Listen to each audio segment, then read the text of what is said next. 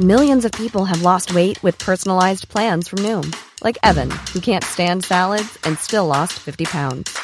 Salads, generally, for most people, are the easy button, right? For me, that wasn't an option. I never really was a salad guy. That's just not who I am. But Noom worked for me. Get your personalized plan today at Noom.com. Real Noom user compensated to provide their story. In four weeks, the typical Noom user can expect to lose one to two pounds per week. Individual results may vary. A lot can happen in the next three years. Like a chatbot may be your new best friend. But what won't change? Needing health insurance. United Healthcare Tri Term Medical Plans are available for these changing times. Underwritten by Golden Rule Insurance Company, they offer budget friendly, flexible coverage for people who are in between jobs or missed open enrollment. The plans last nearly three years in some states, with access to a nationwide network of doctors and hospitals. So, for whatever tomorrow brings, United Healthcare Tri Term Medical Plans may be for you. Learn more at uh1.com. حسيت إنه ممكن مهم نحكي عن هذا الموضوع خاصة لموضوع آه، كيف نقدر نحكي مع الأطفال عن موضوع الموت وكيف نقدر نهيئهم لأنه أنا صار معي شيء كتير مثير للاهتمام بالاسبوع اللي فات. على ردات فعل اولادي لما قلنا لهم إنه الله يرحمها ستهم توفت. بس أهم شيء أهم شيء أهم شيء الصدق. مش إنه نقول لل- للطفل جده راح راح على الجنة. أو راح ما بعرف الناس شو بتحكي. بس مش لازم نقول هيك لازم نقول جدة توفى. نحكي الكلمات الصح مثل ما دائما بنقول إنه الصدق كتير ضروري. لما الطفل يكون عنده المفردات الصحيحة بتصير المشاعر كتير أسهل لأنه بيقدر يربط الكلمة بالشعور. تنويه صغير الحلقة عن الموت. أنا ولونا رح نشارك خبراتنا فيمكن تكون شوي تقيلة. إذا مش حابين تتسمعوا عن هذا الموضوع يمكن خلوا الحلقة لوقت تاني. أهلا وسهلا فيكم بالبودكاست التربوي مش بالشبشب. أنا لونا. وأنا وسام. البقاء لله وسام. الله يخليك يا رب. الله يحفظك. عظم الله أجركم. شكر الله سعيكم. عنا كان حالة وفاة قبل كم يوم حماتي الله يرحمها. بعد. سنين من ال- المرض الحمد لله دائما على كل شيء. فرح نحكي اليوم عن موضوع أظن آه، كتير منا نحتك فيه أكيد اللي هو كيف نتعامل مع موضوع الموت مع الأطفال لأنه موضوع كمان طازة عنا بالبيت. فالمثير للاهتمام أنه مشوارنا التربوي مع الأطفال هو عشان نحن آه، نعلمهم أو نربيهم أو أي كلمة بدكم تستعملوها كيف يتعاملوا مع الحياة مع كل شيء بالحياة. وأحد الشغلات اللي جزء من الحياة هو الموت. بس يمكن ما بعرف بثقافتنا اللي ما كتير بنعرف نتعامل مع المشاعر لأنه ما حدا علمنا نتعامل مع المشاعر. وفي صدمات متوارثة إن كانت آه، تربوية أو سياسية أو ما شابه. إنه المشاعر شيء مش كتير نحن بنعرف نتعامل معه بنخاف منه بنحاول نحمي أولادنا منه. آه، بصير في عنا ردات فعل كبيرة لما هن يعبروا هاي المشاعر سواء إن كانت إيجابية أو سلبية. فما بعرف ليش بس بتلاقي إنه نحن انحمينا كتير من موضوع الموت. وبتذكر شغلات آه، يمكن نحن شخصيا ما ما كتير احتكينا فيها لأنه جدودي الله يرحمهم توفوا مؤخرين بحياتي. آه، كنت بالعشرينات وبالثلاثينات فما كان عنا موضوع العزا موجود بالعيلة والحمد لله فضل من ربنا. بس بتذكر ناس أصدقائنا كانوا يحكوا هلأ لما نتذكروا هالشغلات إنه في آه، أحد الأصدقاء عم بيقول لي إنه أحلى أسبوع بطفولته كان كان لما توفى حدا عندهم بالعيلة لأنه كل أولاد العم طلعوا مع بعضهم قعدوا ب City Centre بدبي بالمول لمدة you know ال weekend أو ثلاث أربع أيام اللي كان العزاء على أساس إنه هن يطلعوا الأولاد من البيت وقت العزاء. وهي كان مرة الوحيدة وين العيلة كلياتها الأولاد كلياتهم قضوا كل اليوم بالمول من الصبح لليل مع بعضهم عم بياكلوا جنك وعم بيلعبوا بنطنطوا هذا وهو الموضوع كان إنه إحنا نبعدهم لأنه إحنا ما بدنا نزعل الأولاد لأنه في عزاء بالبيت. بس لما نشوف آثار هذا الموضوع وبتلاحظها كمان بالجو اللي حواليك اجمالا إنه الناس موضوع الموت يمكن ما كتير بيعرفوا يتعاملوا معه ما بيعرفوا شو يقولوا. أحد الشغلات اللي أنا هلأ احتكيت فيها إنه حتى مرتي عم بتقول لي إنه ثلاث أرباع الناس بتصلوا آه ما بعرف شو بدي أقول آه بتعرفي في هذا التلبك. وحتى مثلا أنا ناس أصحابي عم بتصلوا إنه إمتى فيني أتصل بمرتك أو أعزيها أبعث لها message قلت له إمتى بدك أبعث لها message قال لي تعرف لأنه هالشغلات أنا مش كتير منيح فيها. والنقطة الثانية اللي كمان بلاحظها إنه كثير ناس بتلاقيهم مثلا ما مات! إنه okay هو لا شك إنه صدمة ولا شك إنه الموت شيء كبير بس في يمكن رفض لهذا الموضوع إنه أنا ما فيني أتخيل إني أقدر أعيش لما حدا يموت أو إنه وهو الموت جزء من الحياة واقع فرض يعني ما أظن أي حدا رح يهرب منه. ف حسيت إنه ممكن مهم نحكي عن هذا الموضوع خاصة لموضوع آه، كيف نقدر نحكي مع الأطفال. عن موضوع الموت وكيف نقدر نهيئهم؟ لأنه أنا صار معي شيء كتير مثير للاهتمام بالأسبوع اللي فات. على ردات فعل اولادي لما قلنا لهم إنه الله يرحمها ستهم توفت. الله يرحمها ويرحم الجميع. تعيش. موضوع صعب مش سهل ابدا. آه بالذات لأنه كتير ناس يعني مثل ما قلت ما بيعرفوا. آه ما احتكوا بالموضوع ما صارت معاهم هم صغار فما بيعرفوا. بس أصلا هو ليش إنه الموضوع كتير صعب إنه نشرح موضوع الموت للأولاد الصغار؟ لأنه بآخر النهار هو موضوع صعب المشاعر كتير كتير بتكون صعبة. إنه تطلع بطفل إذا كنت عم تبكي أو إذا شافك عم تبكي أو ما بدك الطفل يشوفك عم تبكي. لأنه بيصير الوجع وجعين. لأنه أنت اوريدي موجوع إنه خسرت حدا بتحبه. ولما تشوف الطفل اللي قدامك آه، موجوع وزعلان بصير الوجع وجعين. تاني شيء إنه بالذات إذا كان الموت مفاجئ يعني آه، الولد الصغير ما كان متوقع أو ما كان عارف إنه you know, الست أو الجد أو العم أو الخالة أو أو المحبوب اللي بالعيلة اللي توفى أو توفت آه، إذا ما كانوا الاولاد عارفين إنهم مرضى بيصير الموضوع كمان صعب. فمن الضرورة أنه الأهل يشرحوا موضوع الموت لأطفالهم من سن صغير. والإشياء هاي بتبلش ببساطة إنه لو عندكم آه، حيوان أليف بالبيت بسة عصفور سمكة بنبلش بهاي الإشياء إنه على فكرة كل الكائنات الحية بتموت. الأشجار أحيانا بتموت الحيوانات الأسماك. حتى إحنا لما نكون كتير كبار ممكن نموت. الجسم بيموت بس روحنا وفينا نحكي معاهم عن الروح. هلا هاي الأشياء كتير بتخوف بس في أشياء ضرورية ومهمة إنه نحكي فيها مع الأولاد. بس أهم شيء أهم شيء أهم شيء الصدق. مش إنه نقول للطفل آه، جده راح. وين راح جده؟ راح على الجنة أو راح يو you know, ما بعرف الناس شو بتحكي. بس مش لازم نقول هيك لازم نقول جدة توفى. نحكي الكلمات الصح مثل ما دائما بنقول إنه الصدق كتير ضروري عشان نعطي الأولاد الكلام اللغوي الصحيح. لما الطفل يكون عنده المفردات الصحيحة بتصير المشاعر كتير أسهل لأنه بيقدر يربط الكلمة بالشعور والحدث بالمشاعر.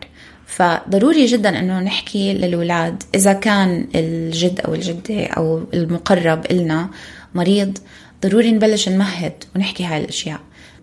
بآخر الحلقة حنعطي شوية نصائح مبسطة عشان تساعد المستمعين آه، اللي عم بيمروا بموقف صعب مثل هذا يلاقوا الكلام المزبوط إنهم يحكوا لأولادهم. بس قبل ما نفوت فيها رح أحكي قصتي مع ابني ووسام حيحكي لنا شو صار مع أولاده. أنا لما الوالد توفى قبل ثلاث سنين تقريبا هلأ أكثر واحد تأثر بالعيلة كان ابني وكان عمره سبع سنين. وما توقعناها ابدا لأنه أصلا يعني إحنا ساكنين بعيد عن الماما والبابا صار لنا فترة.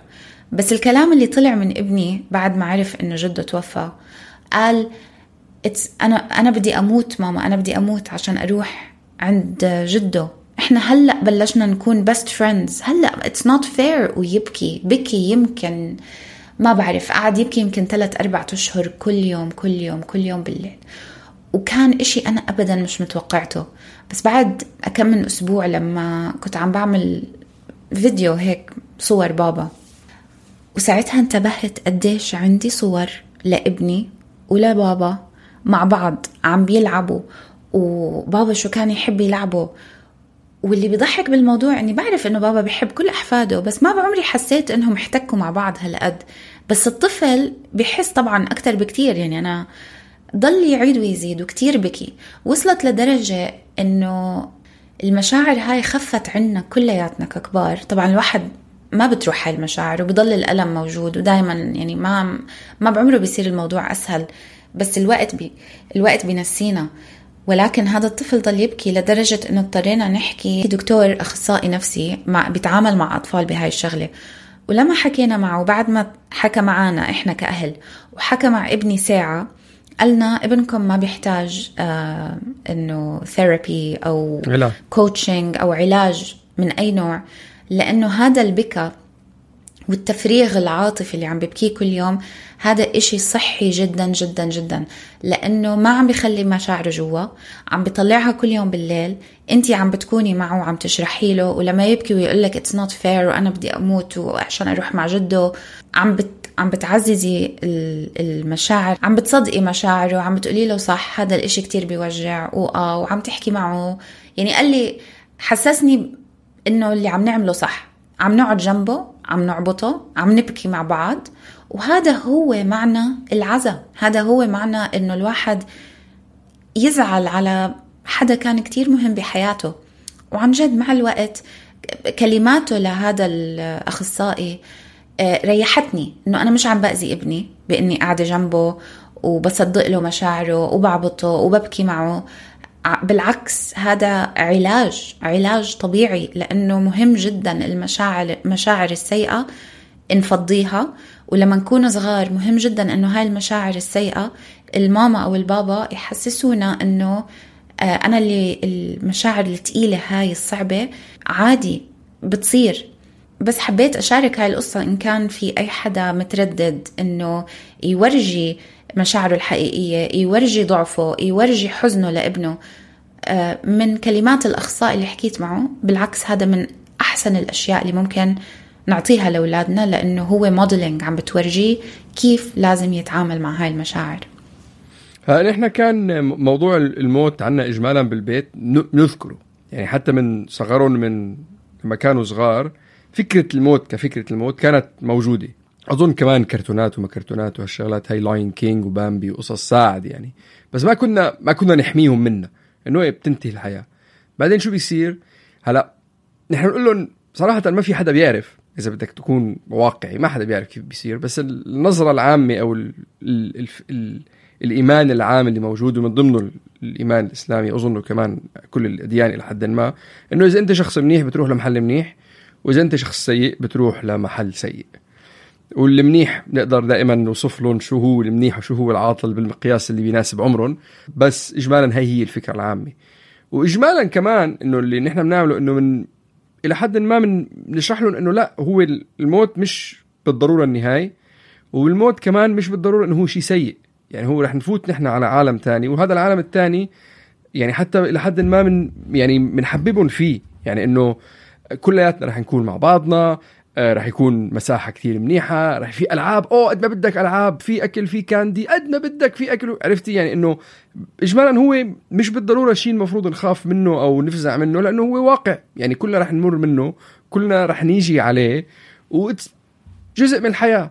هلا ردات الفعل إجمالا كمان بعد فترة بصير في أسئلة إنه أنا ما بدي أموت. إنه إيه وأنا ما بدي أموت كمان. يعني إنه مش إنه بكفي حكي فاضي كلنا رح نموت. نو بفهم شعورك. أنا ما بدي أموت.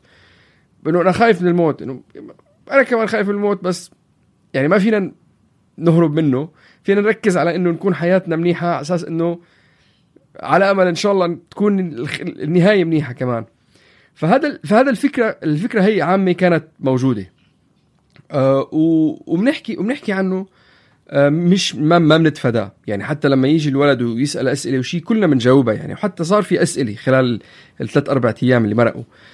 هلا اللي, اللي أربع أولاد واحد واحدة منهم بنتي هي اللي كانت على الخبر طازة لأنه كان يوميتها معطلة من المدرسة ما راحت على المدرسة فشهدت الأحداث اللي صارت دغري وقت ما مرتي سمعت الخبر. المثير للاهتمام إنه هي كانت عم تبكي لأنه امها عم تبكي. في كانت تيجي لعندي تقول لي أنا ما بدي أنا ما بدي ماما تبكي وتبكي. وهي عم تبكي لأنه شافت إمها عم تبكي. فأنا بطبيعة الحال تعاملت مع الموضوع إنه إنه ماما عم تبكي لأنه هي زعلانة ومثل لأنه هي زعلانة أنت يعني عم تبكي وأنت هلأ زعلتي. فقلت لها فحسيت إنه أول شيء بتقول لها ما تبكي بس قلت لها it's okay ابكي. هلأ أنت بعد ما تخلصي بكى رح ترتاحي صح؟ قالت لي إيه. قلت لها هلأ ماما في جواها مشاعر زعلانة بدها تطلعهم بالبكاء وبعد شوي مثل ما أنت رح ترتاحي هي رح ترتاح كمان. فكمان يعني عملنا هي الربطة اللي موجودة إنه هو طبيعي إنه نبكي طبيعي إنه نزعل. وحتى كانت تسألني ليش ماما عم تبكي ليش ماما عم تبكي؟ كان أول ردة فعل أقول لها اياها لأنه إما ماتت بس الجواب الصحيح هو لأنه هي زعلانة. يعني هو بآخر النهار هي زعلانة لأنه إما ماتت بس هي عم تبكي لأنه هي زعلانة. ففي ربط بين الطريقة اللي أنت عم تتعامل مع الشعور وشو الحدث اللي عم بيصير. الولد الثاني عمره أربع سنين. اللي عمره أربع سنين كتير مثير للاهتمام. لهلأ بيترحم على جده اللي توفى لما جده كان هو عمره سنتين. قبل سنتين توفى جده كان عمره سنتين. لهلأ بيقول أنا شت... أنا مشتاق لجده. وكل ليلة قبل ما ينام بيقول الله يرحم جده بيتذكره. وغريب إنه كيف تشتاق له؟ ما أنت عمرك سنتين انجا شفته صفيتين يعني أنت ما شفته غير مرتين بحياتك بعقبات معينة. بس بذكر هذا الموضوع. لما قلنا له إنه تيتا توفت أول شيء قال سي والله. ما مثل إنه إيه توفت. وهذا اللي هون كتير مثير للاهتمام. قال فرجيني الصورة. وأظن المثير للاهتمام هون إنه كيف الجيل تبع أولادنا اليوم عم بيعيشوا حياتهم وتجربتهم كلياتها من عبر التليفون.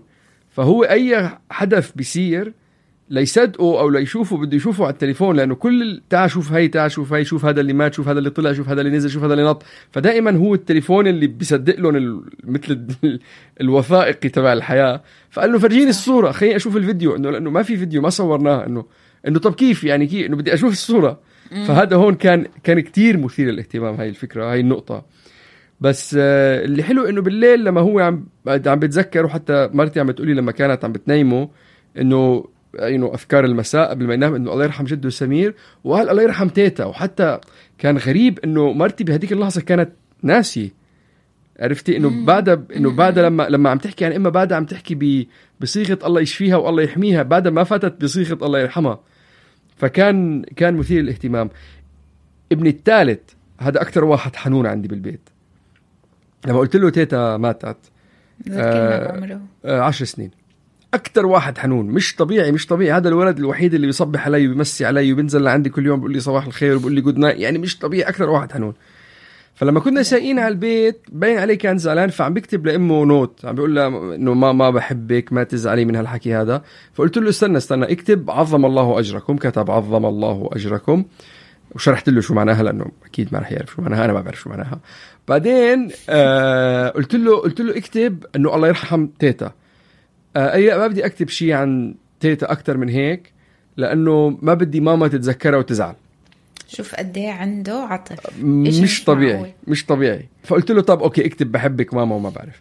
هلا المثير للاهتمام بنتي اللي عمرها 13 سنة. يعني هذا تمساح تمساح. عمره 13 ما عنده اتصال مع حرام عليك. بكرة بس تسمع هاي الحلقة لما يكون عمرها 25 لا لا أقول لك لأنه ما عنده مشاعر ما مهتم لحدا بالحياة بس عم بفكر بتليفونه وبتلفزيونه وبكرتونه هذا طبيعة فهي إلى حد ما توقعت هذا الموضوع كمان لأنه again تيتا كانت مريضة وأمي ومرتي كانت مسافرة ثلاث أسابيع. just آه ريما لما قلت لها ماما تيتا غدا توفت عملت شي was going to school كانت برا already بالشارع عملت oh oh my God oh my god وراحت I, I think she was expecting it. فال فالمثير للاهتمام إنه بعدين نزلت لي بالليل قالت لي بابا لما ماتت تيتا أنت بكيت؟ قلت لها لا ما بكيت. أنا لأنه كنت يعني لما لما هي من من الصبح كانوا قايلين ل لمرتي إنه أمك عم بتموت عم بتنازع. يعني كان أساس بخلال ساعة إنه خلص هي صار لها بغيبوبة ثلاث أربع أيام. وهلا اللحظة إجت ضغطة نزل لحد معين فخلص إنه عم بتروح. فكان الموضوع متوقع غير إنه هي صار لها زمان مريضة يعني ما إنه كان في صدمة. فما فما, فما بكيت. فهي قالت لي يا ولا أنا بتعرف ال teenager ال cool هيك. قالت لي ولا أنا. قلت لها بس نحن كنا متوقعين. قلت لها أنت بكيتي لما مات جده. قالت لي آه. قلت لها أنا كمان. لأنه أنا خبرت ناس يعني اتصلت بأولاد أخته بقرايبينا لمرتي. فلما اتصلت وعم بقول لهم إنه إنه خالك الله يرحمه وأعطاك عمره فهي تقيل الحدث. فبلحظتها بتبكي yes بتصير من من تقل الحدث ومن وزنه. فهي كانت مثل إنه مأنبة ضميرها إنه هي ما بكيت وجاي عم تسألني إنه بابا أنت بكيت؟ it's okay يعني. فهذا كان ردات فعلهم اجمالا للأولاد. واظن مثير للاهتمام بكل اعمارهم المتفرقة. وأظن كمان مثير للاهتمام لأنه اجمالا مثل ما حكيت موضوع الموت عندنا بالبيت مذكور عادي مثل أي شيء تاني مثل أي مشاعر تاني مثل الإيجابي والسلبي والحزين والسعيد. وبعدين ورا بيجي الأسئلة إنه طب بابا شو بيصير بعد ما نموت؟ بقول نظريا يعني حسب الإيمان تبعنا إنه نحن نستنى بالقبر لحد يوم القيامة. طب إنه كيف القبر؟ حسب كيف عشت إذا حياتك حلوة. حياتك بيكون بيكون الابر بنت هاوس وقاعد وسويت ومنظر على البحر ومرتاح. وإذا كان لا بيكون ضيق وشوب وخنقة وما شابه يعني. ف وبخليها بسيطة جدا يعني ما بعطيهم تفاصيل أكثر من هيك يعني. فبس هاي كانت الخبرات تبعهم. حبينا بس نشاركها كفكرة لأنه مش بالضرورة تسمعوا هاي الحلقة هلأ كمان بعرف في ناس حط خلوها مرجع لما تمروا بحالة من هالحالات. إن شاء الله بتساعدكم بتواسيكم بس الفكرة المهمة أو النقطة المهمة إنه موضوع الموت عند الأولاد يكونوا محتكين فيه. إذا صار في عزب البيت يكونوا جزء منه مش لازم ناخذهم على الدفن إلا إذا وصلوا لعمر معين مثلا. بس إنه أظن هي النقاط مهمة جدا. عشان بالنهاية مثل ما حكيت بالأول نحن بدنا نربي أولادنا يتعاملوا مع الحياة. والموت هو جزء من الحياة. إذا ما تعلموا يتعاملوا مع الموت في شيء جزء ناقص من تعاملهم الدنيوي. المثير للاهتمام آه، أنت عم بتقول بنتي متمسحة وما حست شيء. آه، المراهقين يعني ملوك إنه يخبوا الضعف الإحساس تبعهم. بهذا العمر اللي هم من 13 ل 18 سنة لأنهم عم بيحاولوا يحلوا مشاكلهم لحالهم. وبيلاقوا الموضوع كتير صعب إنهم يطلبوا المساعدة آه، من من الكبار. crocodile crocodile crocodile. مش crocodile ابدا بالعكس هم مشاعرهم كتير كثير تقيلة وكتير صعبة. وبحسوا أكثر منا بكتير بكتير بكتير لأنه بعمر المراهقة آه، معظم الدماغ اللي عم بيستعملوه هو ال reptilian brain ال amygdala المشاعر كتير بتكون مشعلة عندهم. ولأنه القشرة الدماغية شو بيسموها ال prefrontal cortex عم تتكون من أول وجديد بسن المراهقة. بيستصعبوا كتير إنهم يتحكموا بمشاعرهم. بس هم بيعرفوا إنه بحسوا حالهم مشاعرهم ضعيفة. فاللي بيعملوه إنه بيتراجعوا وبيحاولوا يحلوا المشاكل لحالهم. فضروري جدا إنك تروح تسأل عن بنتك. آه هذه يعني نصيحة إذا بتحب تاخدها إنك تروح تسأل عنها وتقولها بعرف إنه الموضوع صعب حتى إنه لو ما ورجت هي طبعا عندها مشاعر وأحاسيس على هذا الموضوع. الفئة العمرية اللي قبلها اللي هي من 8 ل 12 سنة بهاي المرحلة الأولاد عادة بيتفهموا موضوع إنه الموت ما آه ما فينا نعكسه. إنه اللي بيموت خلص بيموت ما بيرجع من الموت للحياة. وإنه الموضوع بيصير للكل وإنه له أسباب. فالكلام معاهم بيكون كتير صعب لأنه إحنا بنكون موجوعين وبيكون صعب. بس ضروري جدا كمان لهاي الفئة العمرية إنه ينعطوا آه، فرصة إنه يقدروا يحكوا مع حدا كبير بيوثقوا فيه. عشان كتير بيحتاجوا تأكيد وتأكيد المشاعر وأحيانا بالذات إنه إذا اللي آه، إذا اللي توفى حدا كتير قريب بعيد ألف شر مثل إنه الأم أو الأب لازم نعطيهم الدعم المعنوي ون ونأكد لهم أشياء ضرورية ممكن يكونوا هم عم بيخافوا عليها. إنه مثلا مين حيصرف علينا؟ من وين حتيجي الفلوس؟ هل حنقدر نضل عايشين بهذا البيت؟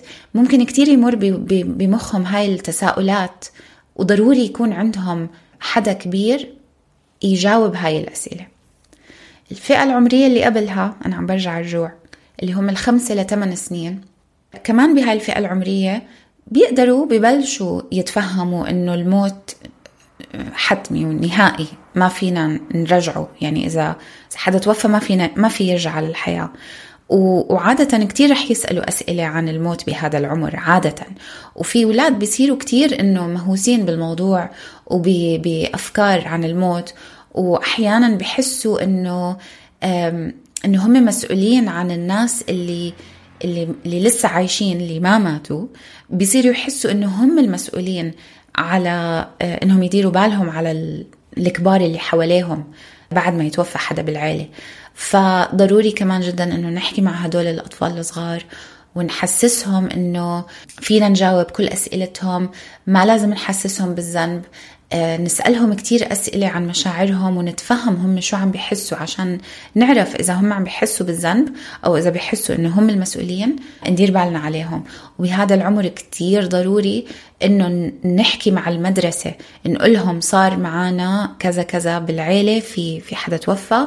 وبليز ساعدوا هذا الطفل بهالكم بالفترة اللي جاي لأنه ممكن يكون حزين. وهذا إشي أنا عملته مع مع ابني بالمدرسة. حكيت مع المدير وحكيت مع كل الأساتذة إنه آه ابني كتير ماخذ موضوع جده إنه توفى مش قادر كتير موجوع من الموضوع.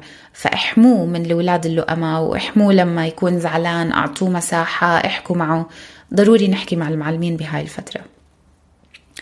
الفئة العمرية اللي قبلها سنتين لخمس سنين. بهذا العمر حكينا إحنا كتير عن الأطفال بهذا العمر إنه بهاي المرحلة الأولاد بفكروا أبيض أسود بفكروا كل إشي حتمي كل إشي مثل ما هو. فاختيارنا للكلمات كتير مهمة. يعني ما فينا نقول جده راح. لأنه حيفهمها إنه جده راح وين؟ راح على السوبر ماركت راح على فما فينا حتى نقول إنه جده راح فترة طويلة و... أو أو مثلا راح ينام وراح ينام لفترة طويلة. لأنه ساعتها بيصيروا الأطفال يخافوا إنه هم يروحوا يناموا. حيقولوا لك أنا إذا نمت أنا كمان ما رح أفيق. ما فينا نقول إشي مثل خسرنا جده خسرناه كيف؟ ما هالكلمات عشان هيك كنا بأول حلقة بنقول ضروري جدا نسمي الحدث بالكلمات الصحيحة عشان ما نسبب ارتباك أو لخبطة بدماغهم. طبعا الصغار الصغار أكيد حيشوفوا اللي هم صفر لسنتين يعني البيبيز اللي عمرهم سنتين. ممكن كتير يقعدوا يدوروا على تيتا وجده إذا خسروا ستهم أو جدهم أو حدا بيروحوا بدوروا عليه. لأنه الأولاد بهذا العمر كتير بحبوا التقرب والعبط. وإذا كان الشخص اللي توفى كتير قريب عليهم بضلوا بيشتاقوا للروتين. فضروري جدا إنه نضل نعبط هدول الأولاد الصغار نضل حامينهم وجنب جنبهم. إن شاء الله تكون هاي المعلومات بتساعد. وشغلة شغلة ثانية أظن مهمة كتير وليش؟ لأنا برجع بقول إنه هي الأولاد لموضوع فكرة الموت اللي هي أنا يمكن بحالتي أنا شوي كانوا متوقعينه وعارفين إنه الموت رح يجي بس إنه هن كيف يتعاملوا مع الموت المفاجئ. أو كيف يتعاملوا مع الموت إذا حدا كتير قريب مثل الأم والأب أو الأخ بعيد من هون أو الصديق. يعني هدول الحالات بتصير. فكل ما كان موضوع الموت موجود محتك وعارفينه كل ما بخفف أثار الصدمة أكيد رح تضلها صدمة. بس بت بتسهل المعاملة معها أظن اللي عم بحاول أقوله. بصير في توقع. التوقعات بتساعد إنه الواحد ما يكون إشي مش معروف. مش عارف كيف بده يتعامل معه أو أول مرة صدمة إنه خبر بعمره ما توقعه أو ما سمع فيه. كتير أصعب من لما يكون عارف. إيه.